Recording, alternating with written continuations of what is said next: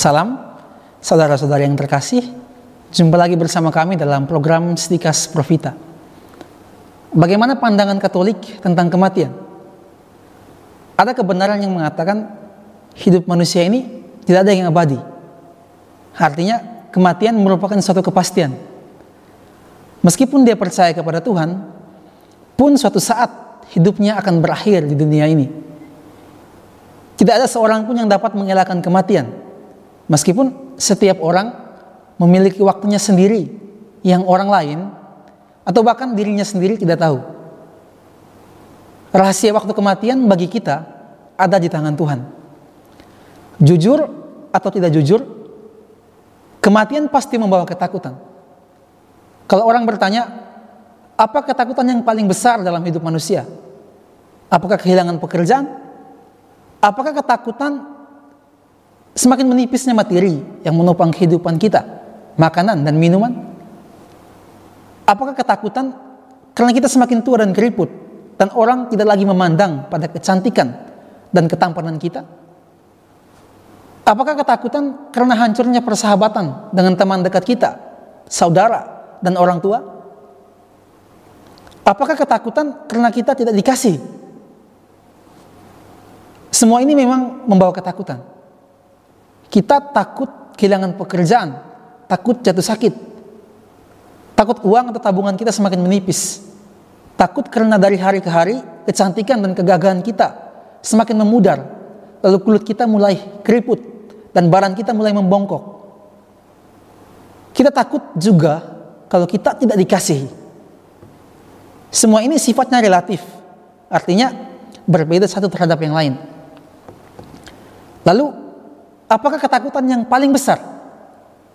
Thomas Aquinas, teolog terbesar gereja Katolik, mengatakan bahwa sesungguhnya ketakutan yang paling besar dalam hidup manusia adalah kematian. Mengapa kematian? Karena kematian menghancurkan tubuh manusia. Kematian membawa kesedihan dan perpisahan dengan teman-teman, komunitas, anggota keluarga, dan lingkungan di mana seseorang tinggal. Kematian menghancurkan segalanya, bukan saja badan dan hidup kita, tetapi juga impian-impian kita. Kematian menghancurkan semua kenikmatan, kehormatan, jabatan, dan karir yang telah kita rintis bertahun-tahun lamanya. Benar bahwa di hadapan kematian, semua kembali ke titik nadir, ke titik zero. Di sanalah manusia ditelanjangi dalam ketidakberdayaan. Dalam kematian, semua yang telah kita raih entah itu kedudukan atau kekayaan menjadi tak menjadi tidak berguna dan tidak berdaya. Mungkin kita memiliki segalanya, misalnya kekayaan dan kekuasaan yang mampu menggerakkan segala sesuatu. Tetapi semuanya itu tidak berdaya di hadapan kematian. Dari urian di atas benar bahwa kematian membawa ketakutan. Tetapi apakah kita terus terikat oleh ketakutan itu? Apakah dengan ketakutan akan kematian membuat umur kita bertambah sehari, seminggu, sebulan, dan seterusnya? Di atas semua ketakutan ini, kita memiliki Allah, pusat harapan setiap orang Kristen. Sekali lagi, kita memiliki Allah. Allah inilah yang memberikan kembali kehidupan kepada kita manusia.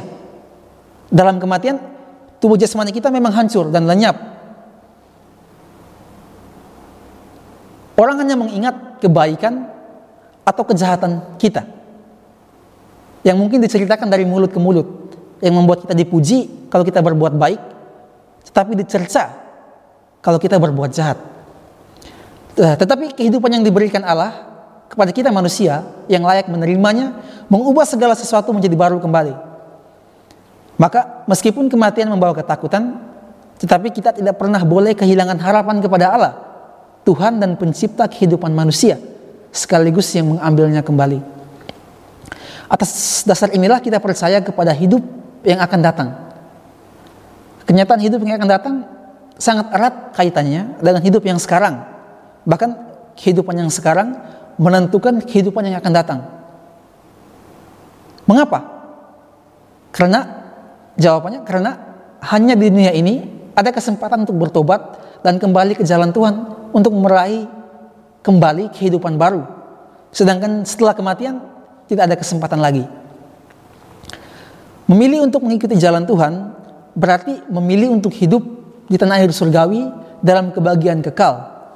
Sedangkan memilih untuk menjauh dari jalannya berarti memilih neraka, artinya berpisah dari Allah yang tidak lain hidup dalam penyiksaan api yang kekal.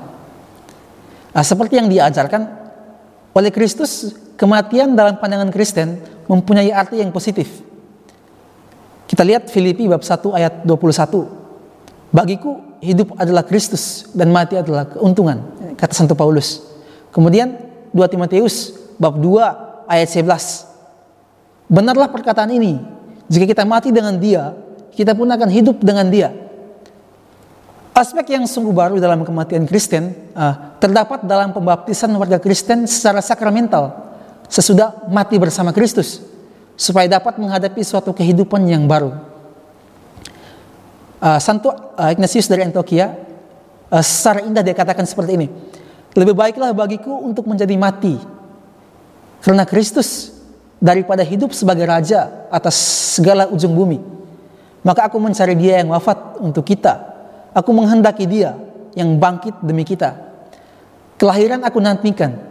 Biarlah aku menerima sinar yang cerah. Setelah tiba di surga, aku akan menjadi manusia. Kematian Kristiani berarti Allah memanggil manusia kepada dirinya bersatu dengan kodratnya yang ilahi. Karena itu Santo Paulus mengungkapkan hal ini. Aku ingin pergi dan diam bersama-sama dengan Kristus Kemudian Santa Teresa dari Avila mengatakan, Aku hendak melihat Allah dan untuk melihat Allah orang harus mati. Kerinduan terdalam Kristen adalah kebahagiaan bersama Allah sebagai Bapa dalam kerajaan yang abadi. Di dalam dan bersama Allah, kebahagiaan yang dirindukan itu terpenuhi secara sempurna.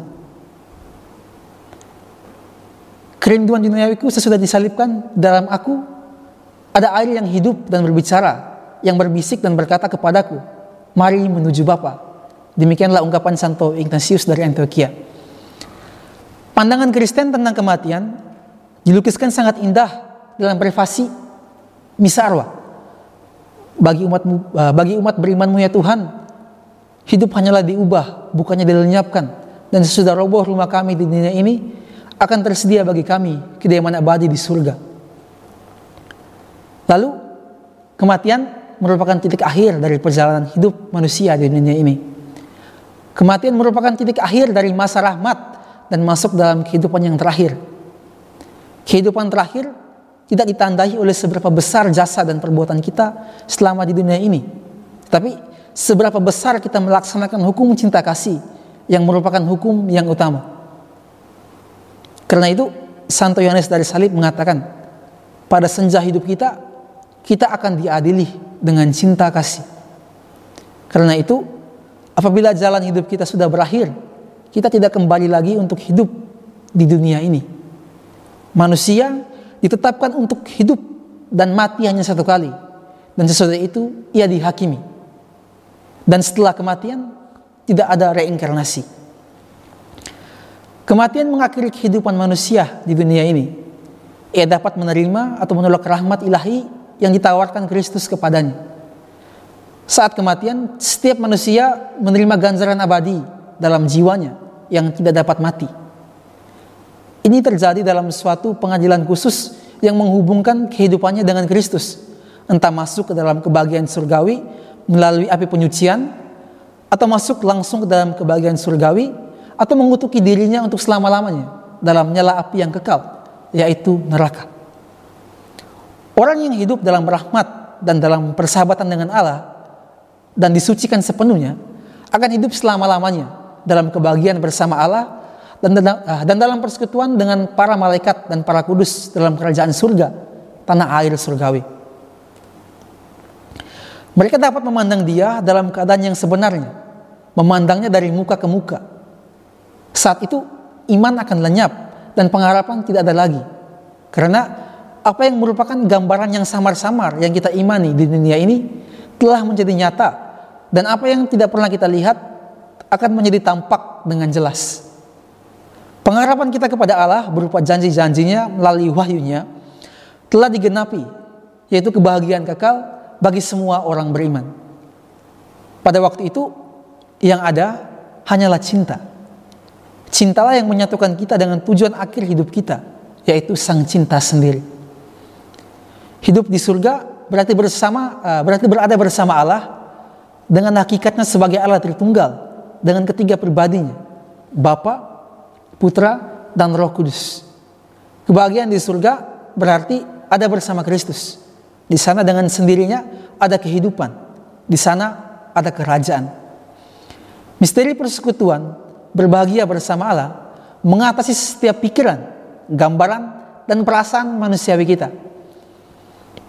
Ah, di sanalah adalah uh, di sana ada kehidupan, terang, perdamaian, perjamuan nikah, rumah Bapa, Yerusalem surgawi, dan Firdaus.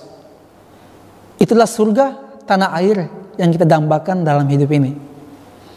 Karena itu, meskipun secara manusiawi kematian menjadi hal yang paling menakutkan bagi manusia, kalau hal itu tidak terjadi dalam Allah, kematian itu sia-sia. Namun, jika kematian itu terjadi dalam Allah, kematian itu tidak sia-sia. Hidup tidak berakhir di dunia, seperti yang dikatakan Mazmur. Kemah kediaman kita akan dibongkar, supaya Tuhan mendirikan bagi kita sebuah kemah yang sifatnya kekal, bukan sebuah kemah yang sifatnya sementara. Dan surgalah tempat permainan itu.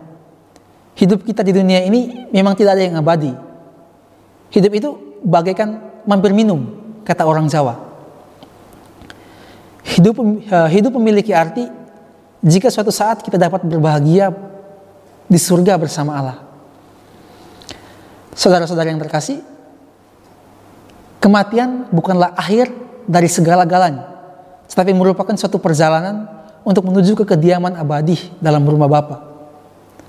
Untuk menyediakan tempat bagi kita lah, Kristus harus meninggalkan dunia ini dan wafat di salib. Dengan demikian, kematian merupakan kembali dari persiarahan menuju kepada pangkuan Bapa. Bapa menantikan kita untuk berkumpul dalam kerajaannya sebagai anak dan Bapa dan memerintah bersama dia untuk selama-lamanya.